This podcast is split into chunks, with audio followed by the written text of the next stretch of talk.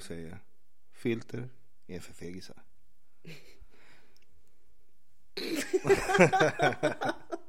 Nej men välkommen till en podd med oss. Det här är vårt första avsnitt. Vi kommer prata och presentera oss lite smått. Mm, äntligen. Äntligen. Eller? Var efterlängtat. Eller hur? Eller hur? Nej, så vi börjar, vi kommer göra så att vi börjar med mig. Ja.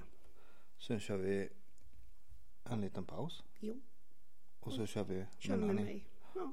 Låter bra. Och sen har vi lite tittarfrågor. Lite tittarfrågor vad folk tycker och tänker. Ja. Och så kör vi efter det. Absolut. Let's Yes. do this. Ja, som ni vet så, eller som ni inte vet, så heter jag Jesus. Jag är 36, bor i Stockholm och är från grunden från Skarpnäck. Vi, vad jag vet så flyttade min mamma och min pappa in där när jag var, när de, vad fan var det, 80, nej, 86 eller 87. Jag föddes 88 på SÖS. För er som inte vet vad det är så är det Södersjukhuset. Jag växte upp i Skarpnäck. Jag kommer ihåg att vi inte hade en tunnelbanestation. Och var tvungen att gå upp till Bagarmossen för att ta tunnelbanan. Vi fick en station år 2000. Millenniet. Um, vad ska man prata om? Det är ju det. Det är lite roligt. Men jag växte upp, jag hade extremt mycket kompisar, gick i en skola. Först och främst gick jag i en nunnskola som låg i Sockenplan. När jag, var, när jag gick i dagis. Hela vägen upp till fyran. Efter det så flyttade jag över till Jag flyttade över till eh, en skola som var i Skarpnäck. Så från att gå från en privat, för, privat förskola, från en privat skola då till eh, en kommunal skola var ju helt jävla vrickat alltså. Det var ju sjukt för eftersom att i vår skola vi lärde oss att skriva skrivstil.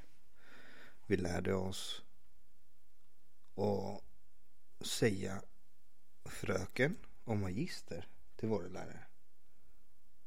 Till att gå till att säga Mats, Agneta. Det, det lät bara skevt. Jag kommer ihåg att jag blev väldigt mobbad under den tiden. Eftersom att det var inte vanligt. Och på den fronten så började liksom mitt umgänge, min, mina aggressioner som barn. Det var ju liksom jäkligt skevt på så sätt. Att man var redan arg. Och man kunde dra ut sina känslor. Men det var i alla fall min början tills jag kom upp. Vad kan det ha varit? Jag vet att jag gick där till sexan. Sen var vi tvungna att byta skola till sjuan. För det var högstadiet på en annan skola. Och när jag kom in i sjuan då i Bagarmossen i en skola då började mitt liv liksom rakt av gå åt helvete.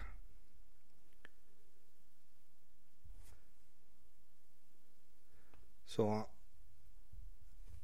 jag vet inte direkt vad som hände. Så sjuan började ganska skevt för mig. Eh, det var mycket bråk. Jag hamnade i slagsmål. Jag var otrevlig mot lärarna. Började skolka, åttan. Ännu mer skolkning, Busade som fan, var inte på lektionerna. Började få extremt dåliga betyg. Nian. Nian gick käpprätt åt helvete alltså. Det var 80 procents frånvaro. Mina betyg låg åt helvete. Och då drog lärarna in mig och sa till mig. Du, det här funkar inte. Det, det kommer bli IV för dig. Ja, så var mina förberedningar, ja men tänka på fan okej jag måste komma in i IV, jag måste, vart ska jag söka? Jag började söka på lite olika skolor. Och det visade sig att jag kom in i en estetiskt program i en skola som heter Lärkan i Skärholmen. Jag gick där ett helt år med dans och musik. Det var skittrevligt. Det var då jag verkligen kände om jag hör hemma här. Med tanke på dansen och musiken. Men Teater var inte direkt min grej. Jag ville inte synas på så sätt. Utan jag lät min dans förklara vem fan jag var. Och då utnyttjade jag det extremt mycket ute. När jag klubbade, när jag festade, diskorna. Där visade jag vem jag var liksom.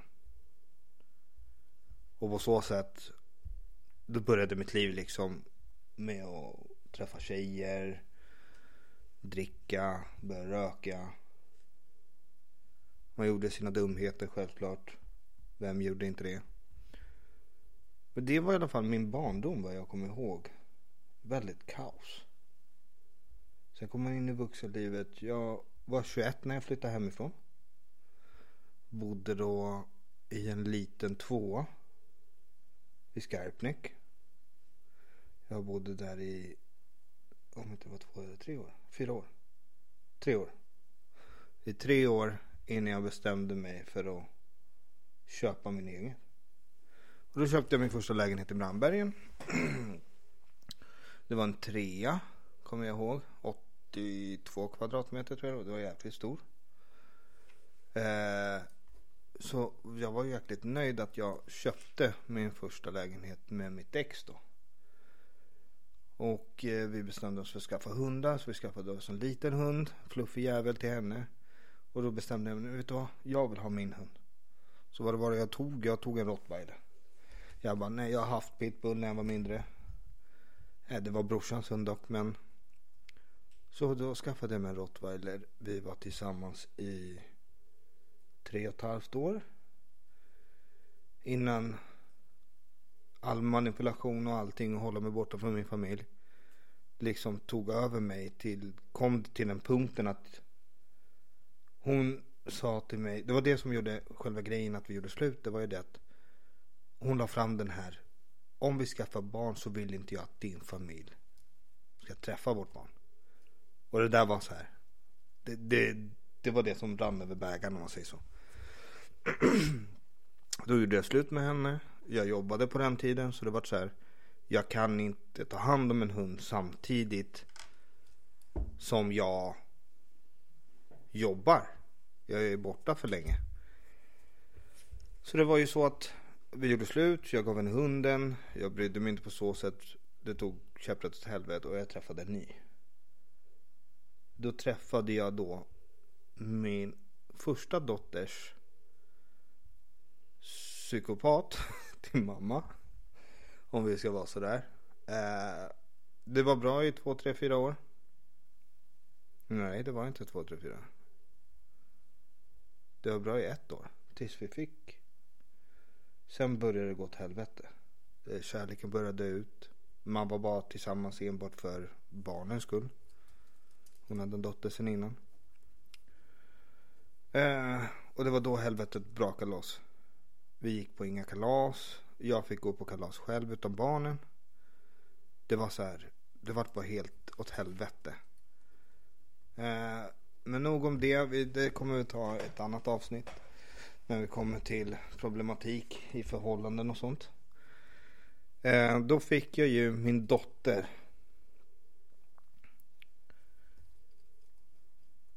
Och det, det går inte att förklara känslan av att få sitt första barn.